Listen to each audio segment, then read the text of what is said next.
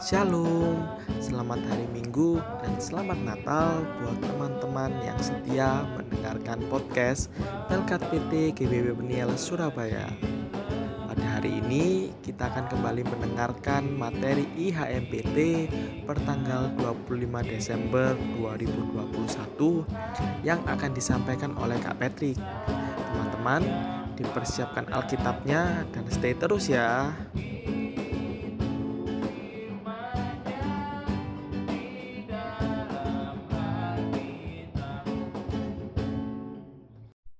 Shalom, selamat pagi adik-adik yang terkasih dalam Tuhan kita Yesus Kristus. Kembali lagi di pagi ini bersama Kak Patrick. Kita bertemu lagi di ibadah hari Minggu Persekutuan Taruna. Dan saat ini kita akan belajar mengenai firman Tuhan seperti biasa. Dan pembacaan hari ini terambil dari kitab Lukas pasalnya yang ketiga ayat yang ke-21 sampai ke-22. Lukas pasalnya yang ketiga, ayatnya yang ke-21 sampai yang ke-22. Uh, kakak akan baca untuk kalian semua, namun sebelum kita belajar lebih dalam lagi, mari kita berdoa. Tuhan Yesus, terima kasih atas pagi ini. Engkau menyertai kami dari kami beristirahat semalam sampai di pagi hari ini kami masih ada itu semua karena engkau ya Bapak ya Bapak saat ini kami akan belajar mengenai firman-Mu. Kiranya Engkau mau berkati hati pikiran kami supaya kami dapat fokus dan kami dapat mengerti firman-Mu yang akan kami baca yang akan kami renungkan pada hari ini. Terima kasih. Dalam nama Tuhan Yesus kami sudah berdoa. Amin. Ya Lukas 3 ayat yang ke-21 sampai 22. Ketika seluruh orang banyak itu telah dibaptis dan ketika Yesus juga dibaptis dan sedang berdoa, terbukalah langit dan turunlah Roh Kudus dalam rupa burung merpati ke atasnya. Dan terdengarlah suara dari langit, Engkaulah anakku yang kukasihi, kepadamu lah aku berkenan. Ya, adik-adik, demikian pembacaan firman Tuhan pada pagi hari ini. Terpujilah Kristus. Haleluya. Haleluya. Haleluya. Haleluya. Ya, adik-adik yang terkasih dalam Tuhan kita Yesus Kristus, kita tadi sudah belajar kita tadi sudah membaca dari Lukas 3 ayat 21 sampai 22. Di situ uh, dibahas mengenai salah satu sakramen dalam ajaran Kristen yaitu baptisan. Ya. Baptisan adalah salah satu sakramen yang ada dalam ajaran Kristen. Nah, Yesus Kristus dalam amanat agungnya sebelum ia terangkat ke sorga mengutus murid-muridnya untuk mewartakan Injil dan membaptis dalam nama Allah Tritunggal, Bapa, Anak, dan Roh Kudus. Karena dalam iman Kristen, baptisan menjadi materai bahwa seseorang telah dimurnikan dan diselamatkan oleh Allah Tritunggal. Nah, dalam perjanjian baru, baptisan dilakukan pertama-tama oleh Yohanes Pembaptis namun demikian, bila diterusuri hingga ke tradisi perjanjian lama, ada pratanda baptisan yang sudah dikenal oleh orang Yahudi. Pratanda itu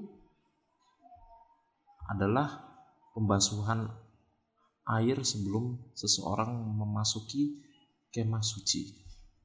Imam yang bertugas di kemah suci wajib membasuh tubuhnya dengan air Pembasuhan air ini memiliki makna membersihkan diri dari kenajisan karena membawa atau menyentuh sesuatu yang dikategorikan najis.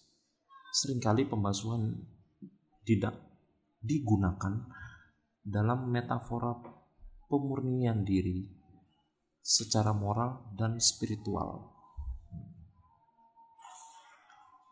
Orang-orang Yahudi uh, menjalani upacara pembasuhan sebagai tanda menuju kehidupan yang murni dan harapan atas rahmat yang menyucikan.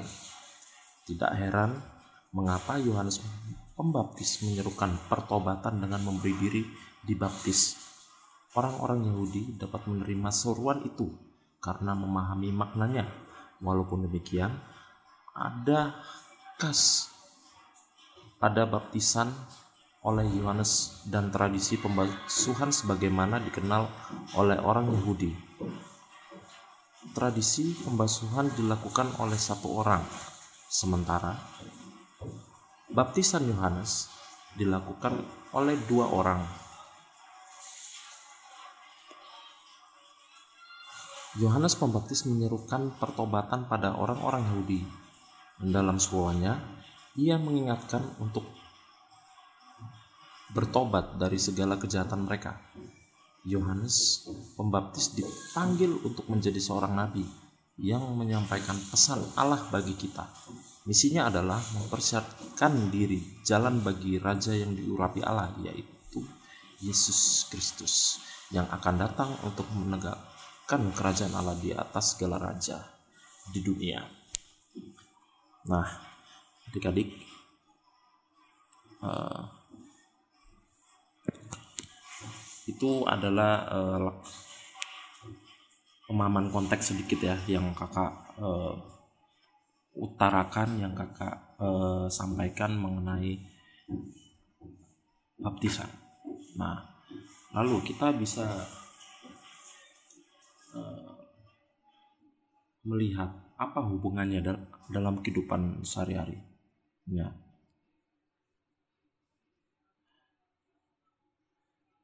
Apa hubungan uh, materi yang kita baca mengenai baptisan ini ke dalam kehidupan kita sehari-hari. Ada beberapa hal yaitu baptisan Yohanes mengingatkan pada kerapuhan manusia atas dosa-dosanya. Betapa hanya oleh anugerah Allah semata kita dapat diluputkan dari segala hukuman atas dosa dan kejahatan. Nah, dengan baptisan manusia dian nugerahkan Allah pengampunan dan keselamatan. Sepatutnya kita sadar betapa beruntungnya diri ini sebagai orang-orang yang telah ditebus dan diselamatkannya. Dan sepatutnya kita tidak menyia-nyiakan keselamatan yang Yesus Kristus telah berikan dengan cara hidup dalam kasih karunia itu. Seperti yang Rasul Paulus tuliskan dalam Roma 1 sampai Roma 5 ayat 1 sampai 2a. Sebab itu kita yang dibenarkan dalam iman kita hidup dalam damai sejahtera dengan Allah oleh karena Tuhan kita Yesus Kristus. Oleh Dia kita juga beroleh jalan masuk oleh iman kepada kasih karunia ini. Nah, Karya penebusan Kristus dimulai sejak ia diteguhkan melalui pernyataan Allah dan Roh Kudus pada saat pembaptisannya. Pernyataan Allah atas diri Yesus Kristus menjadi pertanda penting bagi manusia. Pertama, bahwa Yesus Kristus berasal dari Allah Bapa. Kedua, bahwa kehadirannya di dunia ini adalah untuk membawa manusia dan seluruh ciptaan kepada Allah Bapa yang mengasihi serta menyelamatkan. Itu berarti setiap kita yang dibaptis dalam nama Bapa, Putra dan Roh Kudus dimateraikan menjadi milik kepunyaannya serta diselamatkan dari dalam kasih karunia-Nya. Dengan baptisan itu kita menjadi satu dalam Yesus Kristus dan menjadi dan menjalani kehidupan beriman sebagaimana ia mengajarkan dalam firman-Nya. Melalui sakramen baptisan kita dikaruniakan kuasa Roh Kudus yang menuntun pada kehendak Allah. Roh Kudus tinggal dalam diri setiap orang percaya untuk mengajarkan kebenaran yang berasal dari Allah. Roh Kudus juga yang meneguhkan iman orang percaya. Ya, adik-adik sekalian, sejauh ini uh, pembelajaran kita. Uh, terima kasih sudah bergabung. Dan sebelum kita uh, melanjutkan untuk uh, yang harus kita lakukan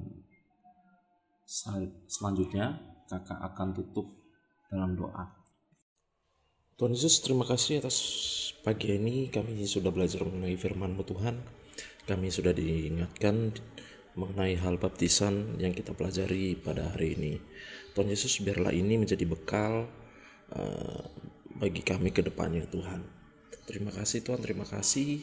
Hamba saat ini berdoa untuk setiap pendengar uh, di pagi hari ini Tuhan.